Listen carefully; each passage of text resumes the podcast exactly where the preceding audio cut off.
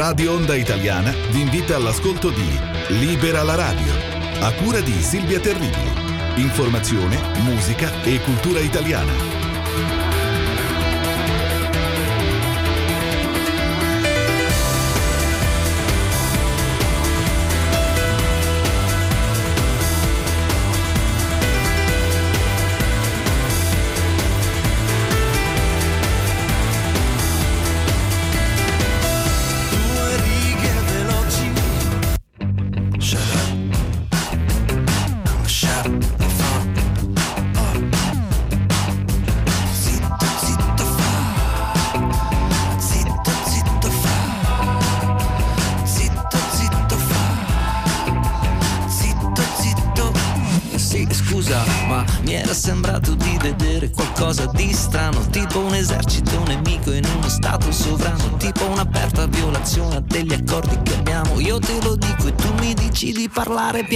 Mi era sembrato di notare un fatto poco chiaro Come una specie di governo ma di terza mano. Con un programma mai provato che però seguiamo E neanche posso non votare perché non votiamo. Zitto, zitto, fa finta di niente Che tanto il mondo gira ancora come sempre. Finché c'è vita, beh, c'è la corrente. Meno problemi avrà chi meno si sente. Che per esempio ho conosciuto questo parlamentare No, dice a me che ne frega finché è legale passare ad una nuova appartenenza e restare senza neanche andare che c'ho l'influenza e mi sale. Su quali alibi, calibri la validità Quali alibi, colibri, libri nell'area E quali macabri crimini, tragici o comici Mi dici che c'è chi dire criminerà Per quali metodi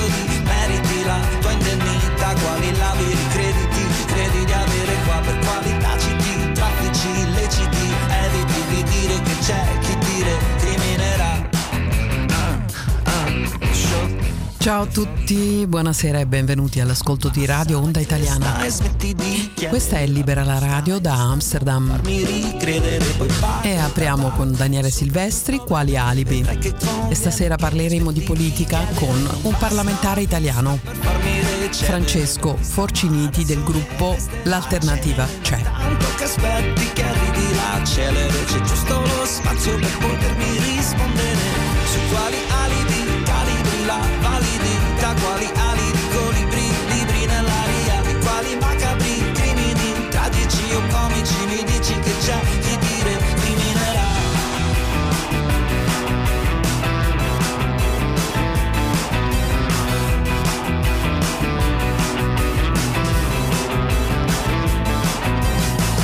Zitto, zitto, fa finta di niente Che tanto il mondo gira ancora come sempre. Finché c'è vita, beh, c'è la corrente Meno problemi avrà chi meno si sente. Se la vicina Cina ci nasconde cose Cose è meglio dire, dire stare statici Ti ci dovevi abituare prima Ti ci dovevi abituare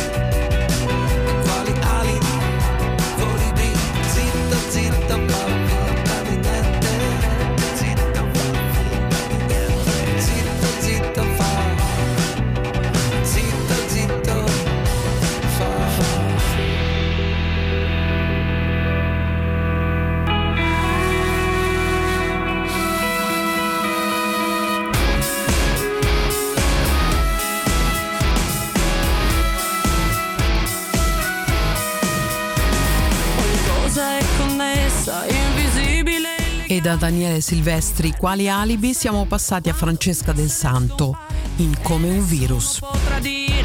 E tra poco ci collegheremo con il parlamentare Francesco Forciniti del gruppo misto L'Alternativa C'è. Francesco Forciniti fa parte della Commissione Affari Costituzionali e è avvocato. È stato eletto nel 2018 con il Movimento 5 Stelle, ma ora si trova nel gruppo misto L'Alternativa C'è. E con lui naturalmente parleremo dell'attualità in Italia, della politica.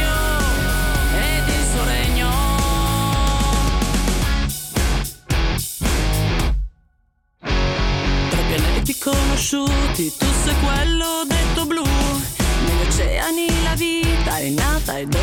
sei tu. Nelle fosse siamo scesi, un altro mondo al buio è. L'universo misterioso non è ignoto quanto te.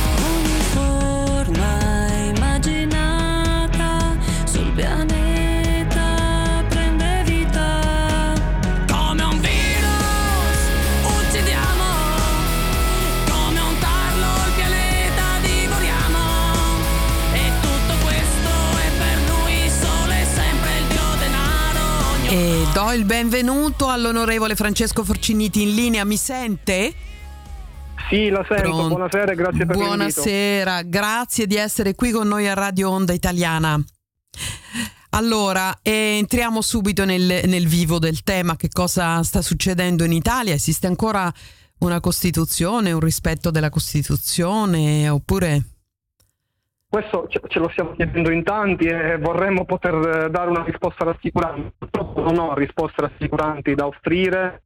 È in corso un attacco dedicato al diritto al lavoro, prima attraverso questo Green Pass totalmente eh, snaturato rispetto a quelli che erano gli obiettivi diciamo, del regolamento europeo, ossia uno strumento di semplificazione dei, dei- dei viaggi e degli spostamenti fra stati, che qui in Italia è stato trasformato in uno strumento di ricatto occupazionale perché addirittura senza il Green Pass non si può neanche lavorare e quindi i cittadini sono costretti o a vaccinarsi contro la loro volontà qualora non lo volessero oppure a dover sottoporsi a un tampone ogni 48 ore al costo di 15 euro. Chiaramente si tratta di una forma di macelleria sociale che sta eh, gravemente vessando una categoria, quella dei lavoratori che già in tutti questi anni in Italia ha subito eh, politiche liberiste, quindi di taglio dei diritti, taglio dei salari, precarizzazione selvaggia. In tutto questo, se si prova anche solo a manifestare pacificamente un dissenso in piazza, si viene manganellati e adesso è addirittura arrivato il divieto a poter manifestare liberamente nelle piazze a fare cortei perché il governo ha annunciato che i cortei sono fuori legge. Quindi è veramente uno scenario, le lascio immaginare qual è il clima che si respira qui in Italia. Sì. E naturalmente sono vietati soltanto, immagino, soltanto i cortei contrari al Green Pass o all'obbligo vaccinale, gli altri cortei... No, no, sono vie- è vietata ogni forma di corteo. Perché Almeno da probabilmente questo punto di vista c'è si, una si certa... mettono, si mettono al riparo per, contro future Sì. proteste di piazza che potrebbero nascere in seguito alla legge di bilancio, in seguito a- alle nuove misure austeritarie che stanno portando avanti, eh, ci sono tutta una, un'infornata di privatizzazioni anche per quanto riguarda i servizi locali, trasporto pubblico, acqua. eh, c'è un clima non bello nel paese, il Green Pass è solo un tassello di una strategia più ampia diciamo, di, di ritorno a quelle politiche austeritarie neoliberiste che c'erano prima del Covid e che sono state solo sospese diciamo, per un anno durante il Covid e che adesso ritornano in grande spolvero eh, ad aumentare le disuguaglianze, a svendere quel poco che rimane per favorire i grandi portatori di interessi e le multinazionali. Sì. Come ci si può difendere dall'obbligo ad assumere un farmaco? Perché di questo si tratta. Tra l'altro un farmaco ancora eh, la cui sperimentazione è in corso. E come ci si può difendere dall'obbligo di un Green Pass che impedisce di lavorare, quindi pena il licenziamento a chi non ha questo lascia passare? Come ci si può difendere? Eh, La, la Costituzione, il presidio che noi abbiamo contro questi abusi del potere che tendono storicamente e ciclicamente a perpetuarsi, la Costituzione che garantisce libertà di scelta, salvo casi particolari che devono essere comunque proporzionati e motivati perché la Corte Costituzionale in passato si è più volte espressa e ha detto che nel nostro ordinamento, viva Dio, uno Stato di diritto non è contemplato il sacrificio umano.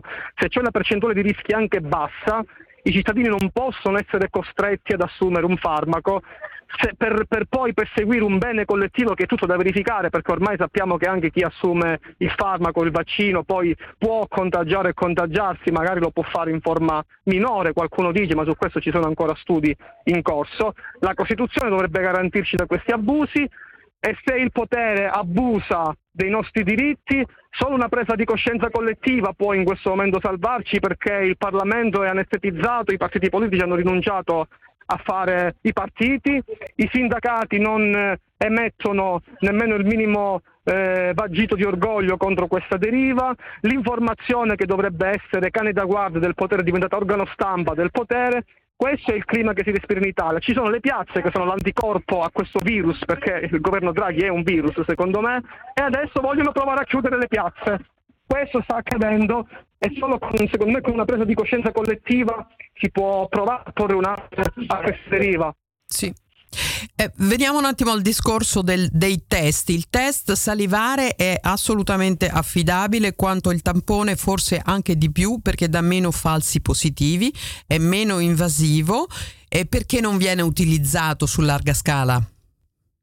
Ma credo sia semplicemente una scelta politica perché si vuole rendere l'uso del tampone più eh, difficile, faticoso e anche doloroso proprio da un punto di vista fisico. E quindi il tampone eh, che, che, si, che, che, si, fa con il naso chiaramente è più eh, disincentivante, mentre invece il, il, test salivare sarebbe più semplice da fare, addirittura il cittadino potrebbe anche provare ad autosomministrarselo eh, in teoria, ma noi magari non arriviamo a questo, ci accontenteremo semplicemente che il governo eh, garantisse i test in maniera gratuita, salivari, eh, anche perché il tampone può essere uno strumento di screening, eh, quindi anche di prevenzione per evitare magari la circolazione del virus. Invece in Italia viene utilizzato come strumento di tortura per costringere i cittadini a vaccinarsi eh, e quindi addirittura abbiamo nostro, uno dei nostri ministri di pubblica amministrazione che è diventato famoso per una sua conferenza eh, che ha tenuto nelle scorse settimane nelle quali si è vantato del fatto che il governo avesse reso difficile per gli opportunisti, lui li chiama così, i cittadini violano alcuna legge e esercitano un diritto di scelta gli opportunisti e il governo è felice di averli schiacciati avendogli reso il tampone difficile dal punto di vista psichico, economico, sociale e organizzativo. Sì. Tra l'altro c'è il discorso che il tampone può creare, il tampone ripetuto può creare lesioni gravi alle mucose. Eh, chi paga i danni delle vittime di tampone? Ovviamente io non, non, non, non ho cognizioni eh, tecnico-scientifiche per poter dire se tampone, l'uso del tampone eh, ripetuto fa del male. È stato ripetuto, com- è stato detto comunque da...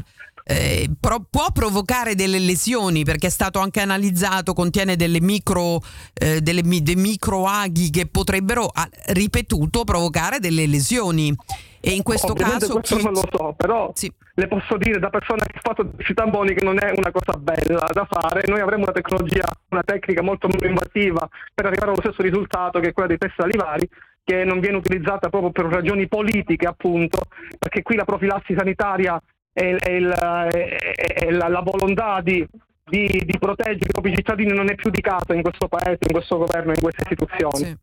Eh, ehm, eh, quindi in Italia si è perso il concetto di, di, di, di mm, una, una, forma di tortura, perché questa è una forma di tortura quando esiste un sistema che è assolutamente mh, mm, dimostrato. Tra l'altro nel caso dei tamponi c'è il problema del, dei cicli che sono amplificati in maniera assolutamente esagerata e inutile e invece questo, questo rischio non ci sarebbe nel caso del, tampone, del, mm, del test salivare che semplicemente semplicissimo, si utilizza un reagente e in pochissimi minuti, credo un quarto d'ora, dà un risultato che è assolutamente attendibile, tanto è vero che viene concesso il Green Pass anche sulla base di questo test salivare di 15 minuti. Quindi è veramente una cosa gravissima che si, che si incorra in questa forma di, di, di tortura. Assolutamente, poi anche un salasso dal punto di vista economico perché crea un'ulteriore discriminazione nella discriminazione, ossia già i lavoratori vengono Scusi, la sento ora disturbata, forse può spostarsi perché a volte abbiamo problemi con le frequenze. Ora, ora mi sente? Mm, ancora molto molto disturbato, saranno forse le frequenze 5G, non lo sappiamo. Ora mi sente? Eh, no, dovrebbe ancora magari provare a spostarsi vicino, vicino a una finestra. Sto, provando a spostarmi.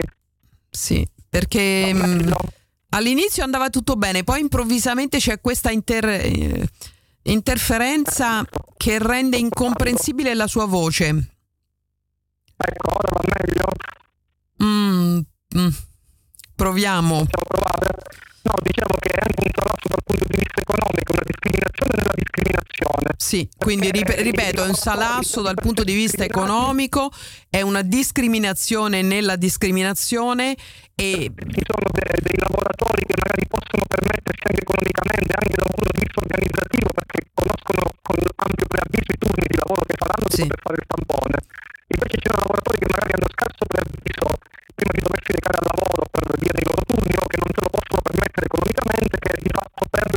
di scelta. Quindi c'è una discriminazione ulteriore. Chi ha i soldi e la possibilità di organizzarsi per fare i tamponi può tenere salvo il suo diritto di scelta alla vaccinazione. Tutti gli altri o stanno a casa e perdono lo stipendio, quindi perdono anche la vita sociale, perdono la, la dignità del lavoro. In Italia, tra l'altro, l'articolo 1 pone il fondamento della nostra Repubblica il diritto al lavoro e dall'altra sono costretti a, a perdere anche il sostentamento economico. Sì. Sì, ma questo è gravissimo, non c'è nessun modo di ricorrere anche al mm, Parlamento europeo, di, di- eh, cioè, mm, non c'è...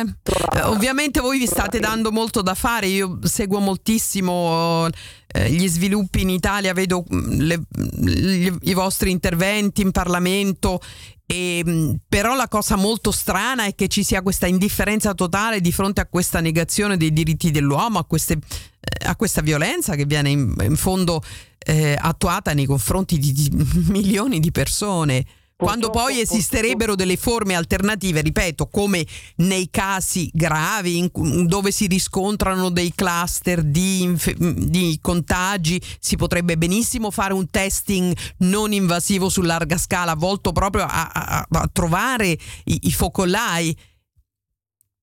Ma tutto questo poi a fronte di una situazione epidemiologica che non giustifica nemmeno la, diciamo, la gravità di questi, eh, di questi provvedimenti assunti, perché la percentuale di vaccinati è molto alta in Italia, sfiora il 90%, la curva dei contagi è sotto controllo, quindi non c'è veramente neanche alcuna necessità anche per chi ritenesse diciamo, utile eh, una vaccinazione di massa. Io penso piuttosto che sarebbe eh, fondamentale invece tenere al riparo da, da farmaci in fase di sperimentazione soprattutto i nostri giovani e i bambini, ma anche per chi ritenesse che ci fosse bisogno di una campagna di vaccinazione di massa a tappeto, eh, questo provvedimento del Green Pass è totalmente sproporzionato perché comunque già l'Italia ha un'altissima percentuale di vaccinati, comunque la curva del contagio è abbondantemente sotto controllo. Purtroppo in Italia non c'è la possibilità per il cittadino di ricorrere direttamente alla Corte Costituzionale perché bisogna prima proporre un'azione ordinaria al giudice ordinario ed è poi il giudice ordinario a fare un filtro e a decidere se la questione non è manifestamente infondata e può essere portata davanti alla Corte Costituzionale. Questa cosa richiede mesi, talvolta anche anni, e noi ovviamente stiamo provando attraverso la nostra attività parlamentare a fare in modo che non si arrivi a dover combattere tutto questo tempo per ripristinare lo Stato di diritto nel nostro Paese. Non è facile, ma secondo me con una presa di coscienza dei cittadini che devono sempre più reclamare eh, il diritto ai loro diritti, eh, speriamo di, di poter muovere qualcosa. Già il fatto che se ne parli eh, anche al di fuori dei confini nazionali è comunque qualcosa. Sì. Lo stato di emergenza è già ormai stiamo per arrivare ai due anni, ma non può essere prolungato in eterno ad libitum. Non siamo in guerra, cioè lo stato di eccezione è giustificato solo dalla guerra. Ma com'è possibile che venga violato questo principio fondamentale? Eh, Come possiamo restare in stato di emergenza? assurdo. In assurdo, eterno? è perfettamente- è assurdo, ma è perfettamente coerente con eh, una, proprio, una normalizzazione dell'emergenza che ormai assurge proprio a metodo di controllo politico eh, standard, ordinario, cioè è un'emergenza nata per non finire mai e- e usar- e- ed essere usata come grimaldello per eh, diciamo, riuscire in quell'obiettivo che non è mai riuscita una certa elite di smondare, smantellare la nostra Costituzione, perché qui sono vent'anni che provano a smantellare la nostra Costituzione attraverso delle riforme, quindi nella forma, non ci sono riusciti perché i cittadini nei referendum hanno sempre bocciato quelle riforme costituzionali che volevano Tranne l'ultima purtroppo, ridurre- che invece è passata, Eh, la riduzione dei parlamentari. Sì, sì, sì, que- quella, quella, quella Gravissima per se quella- l'estero, tra l'altro, mm, cioè all'estero Sì. noi siamo stati estremamente penalizzati, ma per un motivo anche in più, perché all'estero si votava con il sistema proporzionale e evidentemente alle elite dà fastidio il sistema proporzionale, questo è evidente. Sì, anche se quella non altera diciamo, i rapporti fra i vari poteri dello Stato, perché quella è solo una, una- una riduzione numerica su cui si possono esprimere moltissime riserve ed è giusto farlo, però i tentativi precedenti miravano proprio ad attaccare proprio nel, nel- suo cuore l'ordinamento del nostro paese e quelli sono stati respinti dal colpo elettorale con amplissime maggioranze e Sì. non essendo riusciti quindi a smontarla con quelle riforme, ora se la stanno mangiando pezzo per pezzo senza modificarla, cioè la stanno svuotando con delle prassi quotidiane di delegittimazione e allora non è casuale l'attacco al lavoro, l'attacco al diritto allo sciopero, perché quando scioperano li manganellano, l'attacco proprio anche alla manifestazione del pensiero, qui c'è un clima costante di criminalizzazione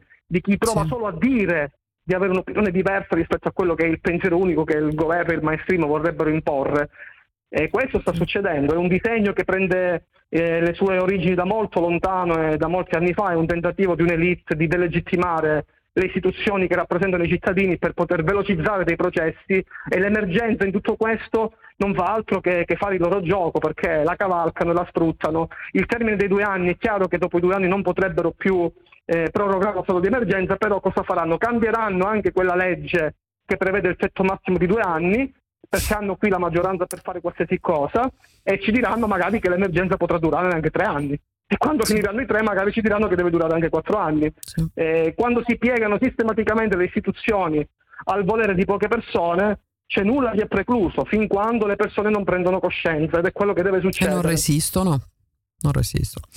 E- ma andremo mai a votare? Perché adesso si sta mh, praticamente si sta vedendo questo balletto, il Presidente della Repubblica, il, il Premier, ma vogliono un uomo solo al comando, quindi vogliono Ecco, Draghi che faccia tutto. Ecco un'altra, un'altra, un altro tassello di quella strategia di delegittimazione della Costituzione, perché ora si sono inventati il semipresidenzialismo di fatto, ossia vogliono eleggere Draghi al Quirinale, quindi farlo capo dello Stato. E, E mettere però una, una sua un controfigura. Un, un suo fedelissimo che Mm. sarebbe l'attuale ministro dell'economia Franco a Palazzo Chigi. Lo chiamano semipresidenzialismo di fatto. Io, a me non piacciono i sistemi presidenziali perché sono contro la logica dell'eccessivo liderismo e del- del- dell'eccessivo accentramento dei poteri in capo a una persona sola. Però se proprio vogliamo parlare di presidenzialismo, e beh, lì abbiamo l'elezione diretta del capo dello Stato e soprattutto abbiamo una rigida separazione dei poteri, perché il legislativo fa il legislativo, mentre qui il legislativo non fa più nulla, quindi vorrebbero diciamo, tutte le, le storture e l'accentramento Sì. tipico di un sistema presidenziale senza però mutuare anche le garanzie. Quei, quei pochi vantaggi, lati positivi di, di scelta quindi da parte del modello- cittadino. Anziché, modello, anziché modello francese, Sì. più che altro mi sembra un modello nordcoreano, quello Sì. che vogliono loro per l'Italia. Sì. No, forzare praticamente la Costituzione e quindi... Ma eh, poi le elezioni verranno continuamente rimandate, cosa faranno? questo, questo chi può dirlo? Io ormai non mi meraviglio più di nulla. La scadenza naturale di questa legislatura sarebbe nel primo trimestre 2003, 2000 2000 2023. Sì. Quindi quello dovrebbe essere la, la deadline. Poi noi siamo in trincea e speriamo ovviamente di, di, non lo so, di riuscirci un, un po' alla volta a riacquisire una normalità ai nostri diritti. Sì. Ma eh, i cittadini, quelli che eh, pe- vedono insomma i propri diritti così eh, calpestati, dimenticati, eh, si vede anche l'allontanamento dalle urne, l'allontanamento dalla politica che già c'era. Veniamo un attimo al Movimento 5 Stelle, cioè il Movimento 5 Stelle ha tradito tutte le promesse che aveva fatto agli elettori, dalla prima all'ultima, o forse c'è ancora qualcosa eh, eh, che stanno mantenendo o hanno completamente tradito tutto?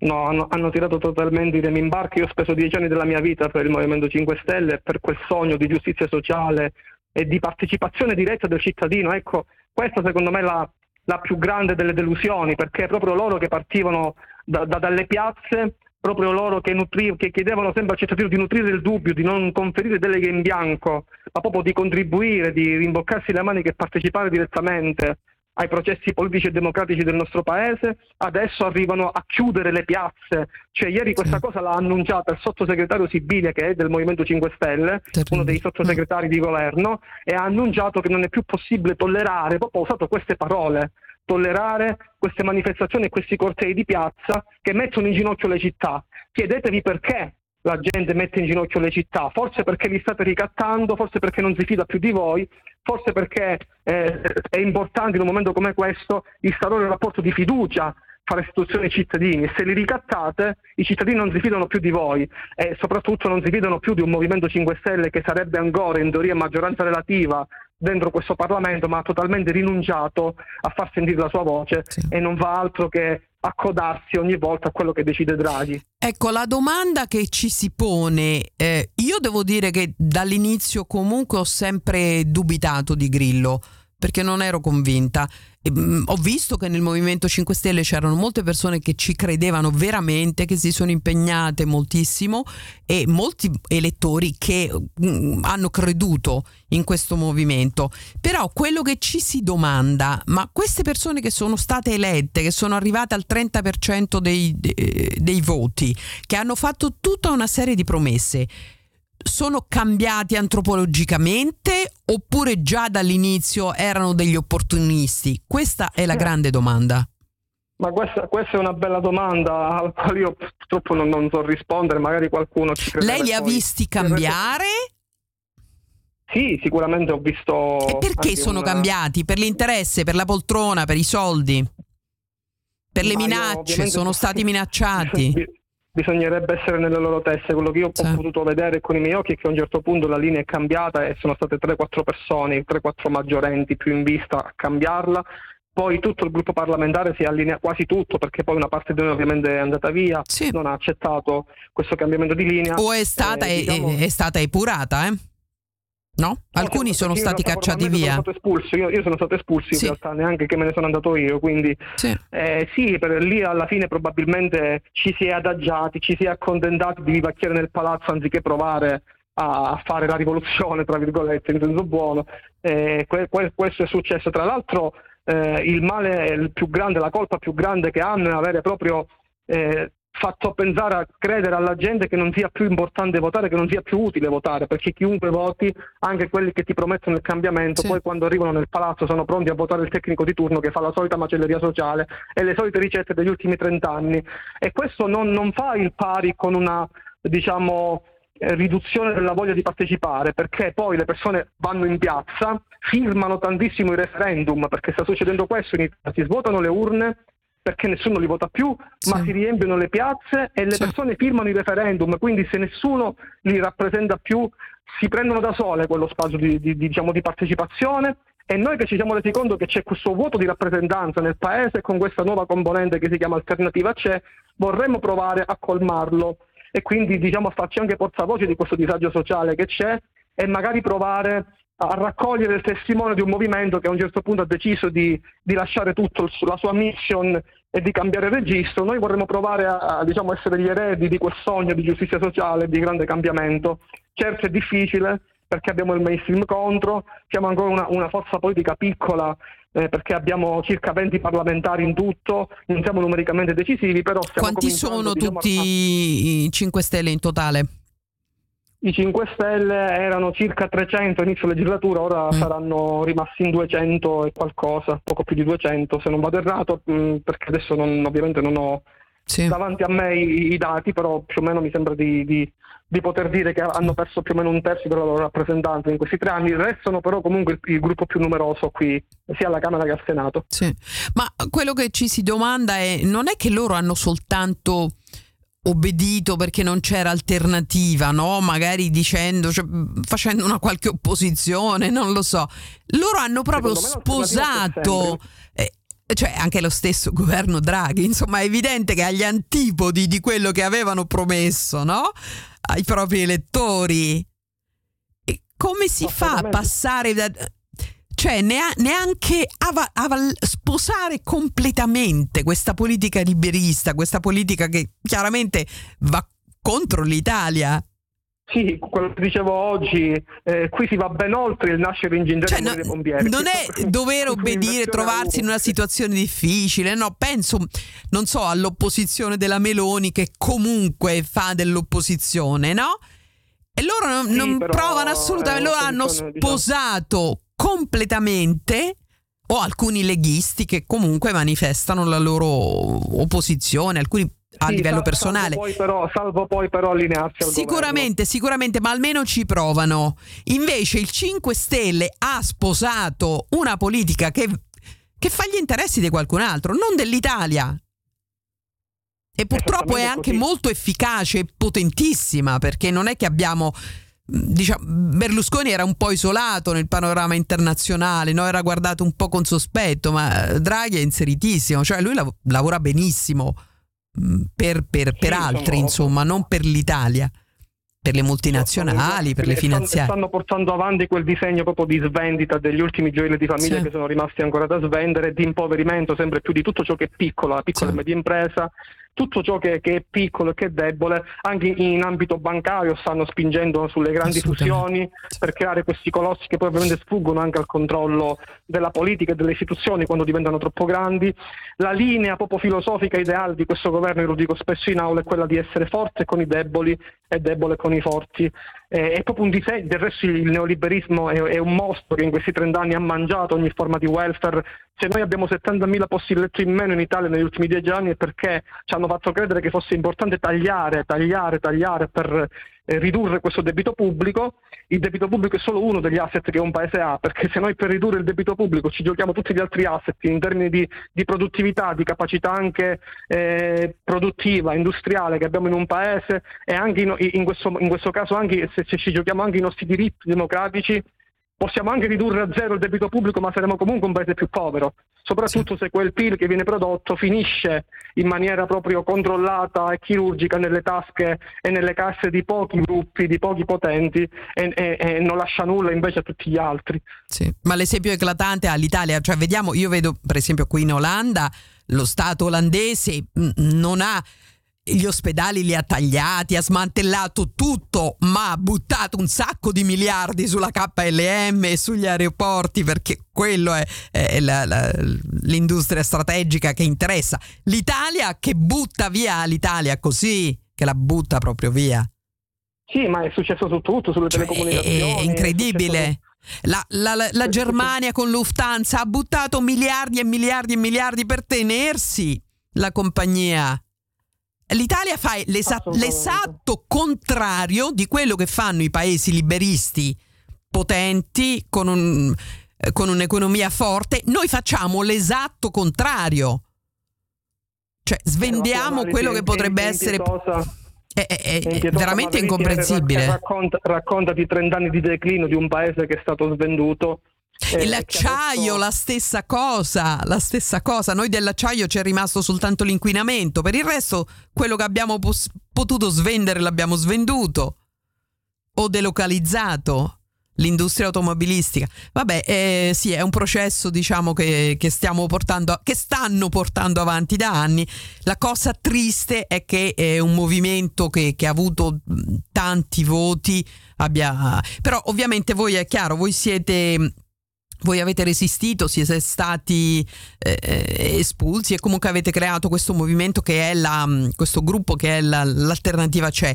Come guardate a una possibilità ehm, al momento delle elezioni? Cosa avete già dei programmi, avete già dei progetti? Perché prima o poi si arriverà, si, and- si andrà a elezioni. sicura- sicuramente, sicuramente l'obiettivo deve essere quello diciamo, di costruire un, un ampio fronte anti-establishment, anti-liberismo, qualcuno definirebbe un po' antisistema, eh, perché in questo momento comunque c'è un proliferare di varie forze, anche civiche, non per forza legate alla politica, che si stanno rivoltando e che stanno inizi- sono poi quelle che vanno in piazza fondamentalmente.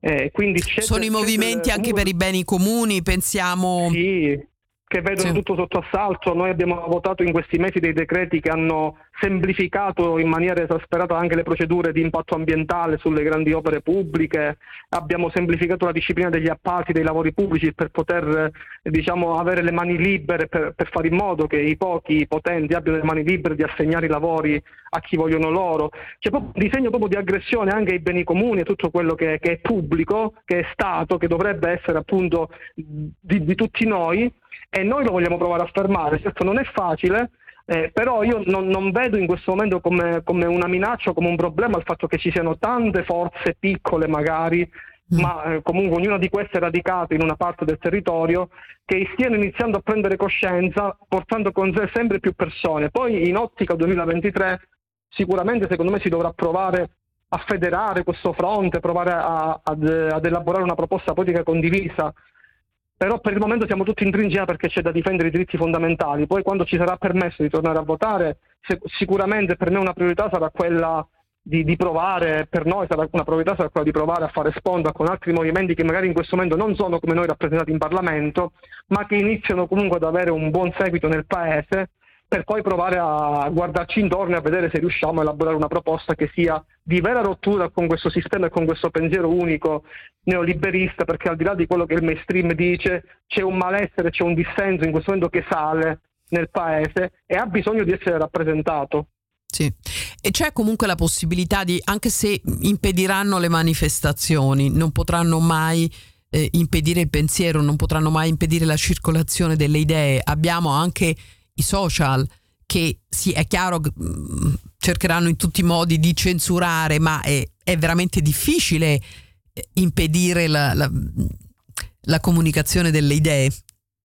È più facile impedire sì, una manifestazione di piazza, ma le idee ci continueranno a circolare, forse crescerà ancora per di fortuna, più.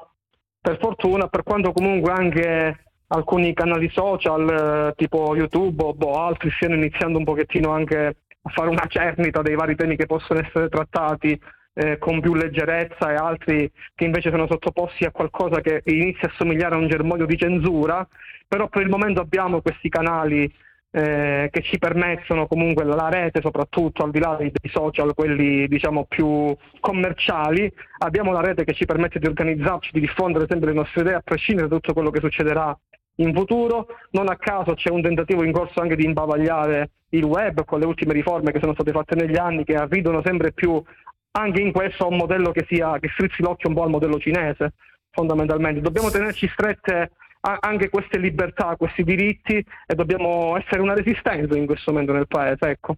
Sì. E quando lei parla con eh, con, con, altre persone che praticamente sono convinte che il, il, governo stia lavorando nella direzione giusta per quello che riguarda quali sono gli argomenti che, che, su cui spingono, cioè sono veramente convinti che, che, che, questa politica nei confronti dell'obbligo vaccinale, l'obbligo del Green Pass, sono veramente convinti che serva? Ma secondo lei? Il terrorismo, il terrorismo di, di, regime porta sempre comunque a indurre un bisogno di sicurezza, di essere protetti eh, da parte diciamo, del cittadino magari che eh, è, è, meno, eh, magari guarda con meno attenzione al, all'insieme, al complesso. C'è questo eh, pensiero unico, c'è questo, diciamo, questa propaganda retunificata del virus con questo bollettino quotidiano che ci ragguaglia sui decessi, sulla curva che sale, cresce, un po' sale, un po' cresce, sulla percentuale di eh, diciamo, Comunque i decessi eh, sono poi io li, li, guardo tutti i giorni le, le, statistiche, ma in Italia sono veramente, tra l'altro anche i positivi sono pochissimi, sono, sono meno sì, di quelli sì, sì, registrati in Olanda, è che è un paese molto piccolo la curva è saldamente sotto controllo, eppure con una narrazione ad hoc che eh, non risparmia nessuno perché è fatta a tappeto H24 su tutte le tv pubbliche e private, non si parla d'altro che del virus e dell'importanza fondamentale di vaccinarsi, ora inizieranno anche con i bambini. Ora io non voglio eh, diciamo estremizzare e dire che il vaccino non serve a nulla, ma certamente la vaccinazione di massa abbiamo capito che non, non ci condurrà mai all'immunità di gregge, perché anche vaccinare i più giovani, anche vaccinare chi è a rischio zero dal Covid, perché i dati ci dicono che il 99% dei, dei morti da Covid aveva più di 60 anni, se noi ci mettiamo a pensare di raggiungere l'immunità di gregge vaccinando persino i bambini, siamo totalmente fuori strada, perché abbiamo capito ormai che anche i vaccinati si contagiano e contagiano sì. e possono portare il virus in giro. Quindi la strategia della vaccinazione di massa comunque la si pensi sul vaccino, strategia che poi diventa solo business, si lega solo al business delle dosi, mentre invece se si vuole Qui tra l'altro il governo ha fatto un casino pazzesco con le varie direttive che ha dato, AstraZeneca che prima è stato dato a tutti come se fosse una caramella anche ai bambini, poi c'è stato un decesso di una ragazzina di 16 anni, allora l'hanno vietato ai minorenni ma hanno continuato a darlo agli adulti, poi solo ai 60 anni, ora non lo danno più neanche ai ratti. Come si fa a pensare che un, un cittadino possa fidarsi di queste istituzioni? È chiaro, che, è chiaro che, che, qui non si può pensare di insistere anche con questa terza dose e con questa vaccinazione a tappeto, quando abbiamo capito che il virus circola comunque. Allora più intelligente sarebbe pensare a una protezione mirata, raccomandando sempre, perché io sono sempre per la libertà di scelta, mai obbligo, a, fav- a favore delle persone più fragili e più deboli, alle quali si possono dare dei dati e poi sulla base di quei dati informazioni e poi le persone decidono, ma cercare di fare questo terrorismo a reti unificate sicuramente eh, pre- fa presa su una fetta della popolazione, ma alla lunga la gente alla lunga si stancherà e io questo quando parlo di presa di coscienza parlo proprio di questo, perché già vedrete come si abbasserà la percentuale delle terze dosi. Tantissime persone rinunceranno a fare la terza dose perché non si fidano più di queste istituzioni. Sì. Tra Ma... l'altro da quando c'è il Green Pass la curva dei tamponi effettuati è fissata alle stelle e la curva dei nuovi vaccinati si è abbassata e si sì. è schiantata proprio perché i cittadini non si fidano più. Li puoi anche ricattare ma loro resistono eh. perché non si fidano. Ma anche dal punto di vista dei tamponi, quindi si faranno tantissimi tamponi immagino, no? per tutti i poveretti che devono andare a lavorare, se no, se no gli tolgono i soldi sì, e, e il Cile, il pane gli tolgono. Risorse economiche. Nonostante ciò... Verso eh, eh, sembra che praticamente tutti questi poveretti che si devono sono tutti negativi poi perché comunque i valori sì, dei non c'è stato alcun aumento Ma della perché non la dicono dei... questa cosa? Cioè voi costringete della gente sana a questa tortura ogni due o tre giorni, che è già una cosa orribile. E poi comunque non dite neanche che comunque sono tutti negativi, perché io vedo le curve che comunque sono, ripeto, in Italia ci sono meno positivi che in Olanda. Certo, nonostante che la popolazione così. è molto più grande. Allora questo, da questo dovrebbero concludere che tutti questi tamponi sono fatti a persone sane. Io la penso esattamente come lei ed è anche parte integrante del, della nostra lotta contro questa narrazione a senso unico, nel senso che comunque noi non vogliamo essere ritenuti negazionisti o, o accostati comunque a persone che negano in toto l'esistenza del virus, ma certamente ci sentiamo di dire che una narrazione eccessivamente allarmistica sia stata fatta su, su, su questo virus e ora bisogna sicuramente prestare attenzione e fare tutto quello che serve, ma puntare solo ed esclusivamente su una vaccinazione di massa ad un certo punto diventa solo business, diventa solo una sperimentazione sì. di massa comunque ben retribuita, perché io poi un'altra cosa voglio dire, se voi volete che le istituzioni, che i cittadini si fidino di voi, e mi riferisco alle istituzioni, perché per una volta non date anche un segnale di giustizia magari facendo qualcosa contro le case farmaceutiche, perché se loro hanno promesso che con due dosi si raggiungeva un certo tipo di efficacia e questa efficacia non si è raggiunta e quindi c'è bisogno di una terza, beh allora ce la diano gratis. Anziché, anziché prendere dei soldi e ricevere eh, alt, altre, altre, risorse per una dose aggiuntiva che non era negli accordi iniziali, non era nei contratti. Sì. Perché per una volta gli stati, i governi non si fanno vedere anche qualche volta forte con i forti?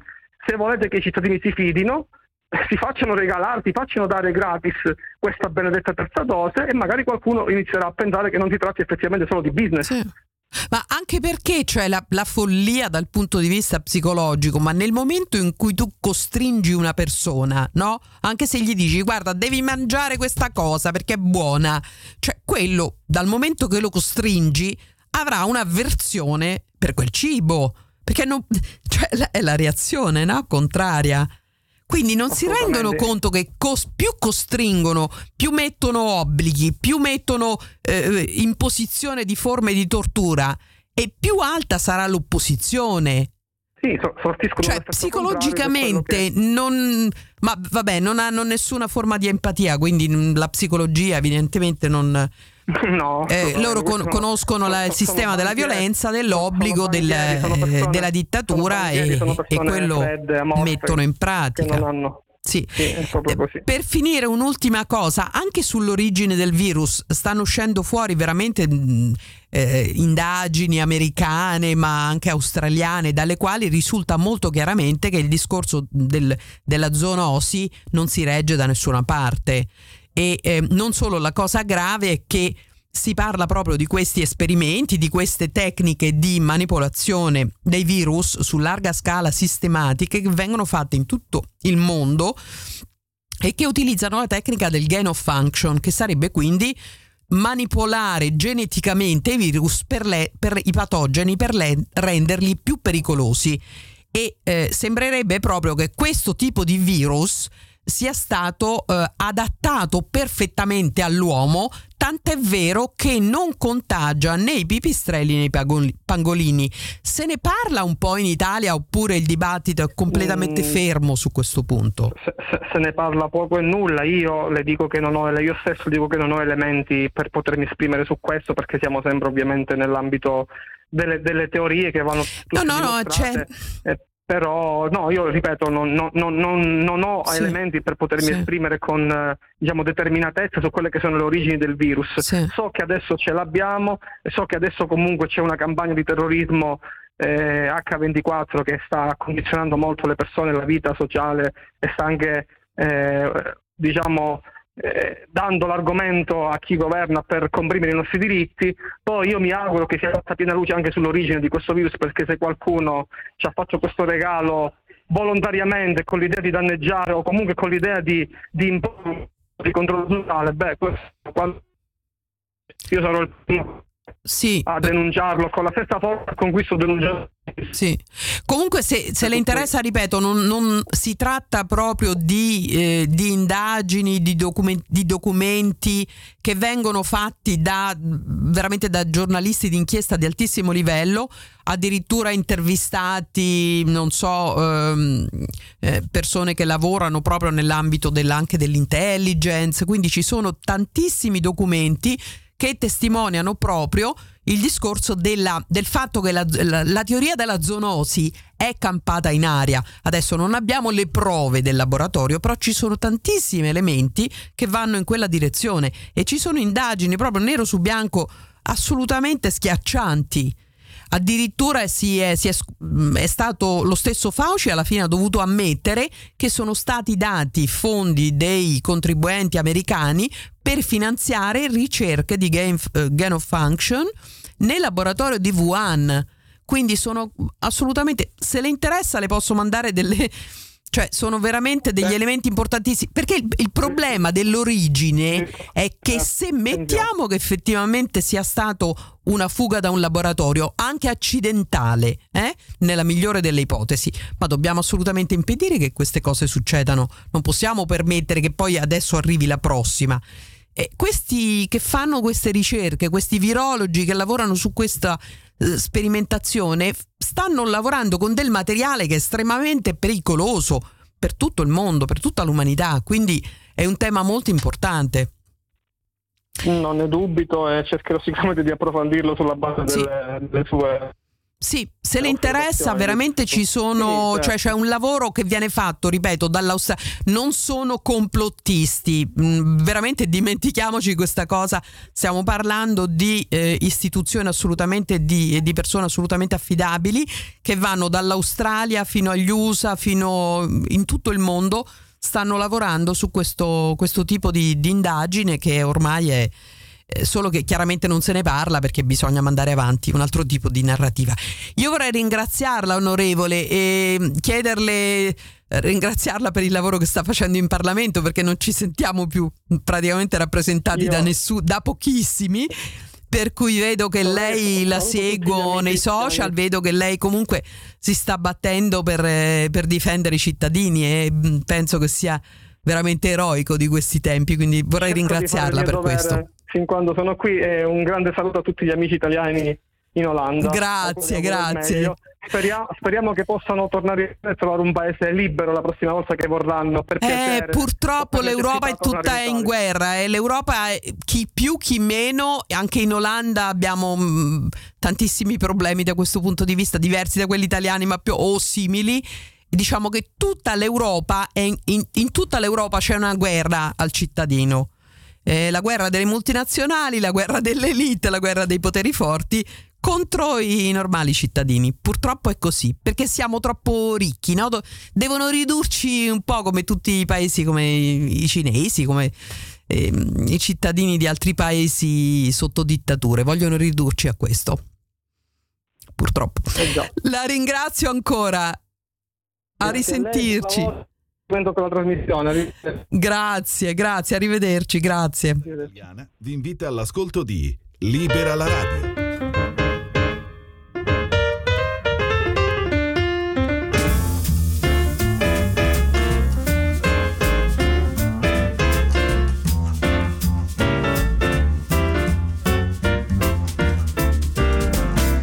Come sai ogni giorno che passa qualche cosa ci lascia e così. Niente più come prima quando uscivo e ti portavo al bar. Tu indossavi un vestito da bravo aspettando l'Independence Day. Eravamo dalla parte del giusto senza sapere di essere lì. Ma il fatto è che ero a pranzo con un tale Uno che ne sa un po' più di me con lo sguardo attraversa il locale Con un cenno ha già chiesto il caffè Ma dov'è il famoso zio d'America? Chi ti porta al mare la domenica? Se non c'è niente da fare sei da solo ad aspettare Quell'amore che è partito con chi?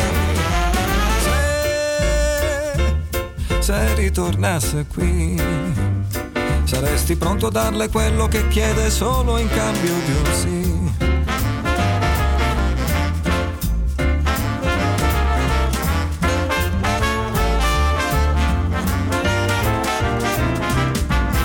confrontarti con martiri e santi, dire a te stesso che non hai paura e poi telefonarmi per ritrovare il senso della misura perché sai che io ti ascolto, io ti ascolto e non parlo mai.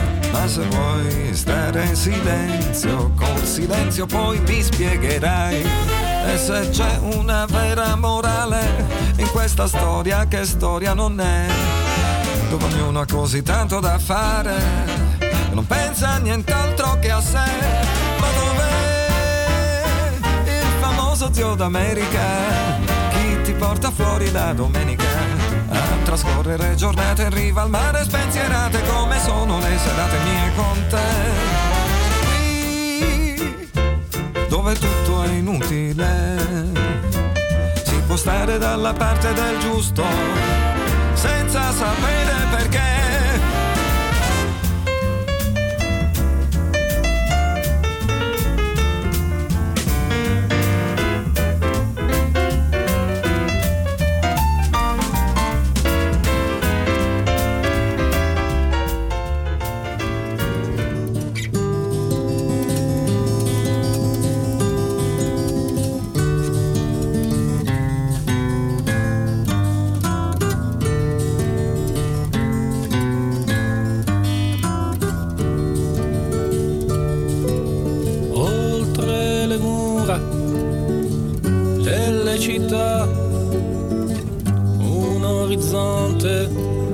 segue.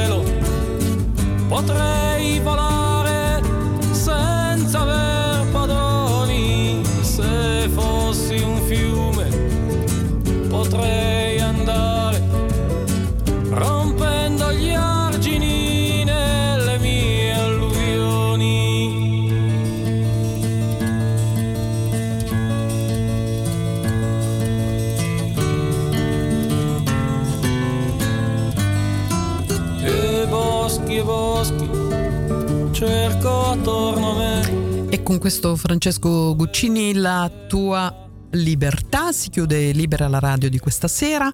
In studio Silvia Terribili e questa sera avevamo come ospite l'onorevole Francesco Forciniti del gruppo misto L'Alternativa eh, c'è, fa parte della Commissione Affari Costituzionali. E abbiamo parlato del- dell'obbligo del Green Pass abbiamo parlato dell'obbligo vaccinale dell'opposizione che il gruppo di eh, Francesco Forciniti fa in Parlamento anche eh, seguendo la eh, forte ondata di, di proteste da parte dei cittadini, proteste che purtroppo eh, dovranno terminare perché eh, si vuole arrivare a un divieto di manifestazione, cosa che costituzionalmente non dovrebbe essere giusta. E grazie ancora dell'attenzione e alla prossima puntata.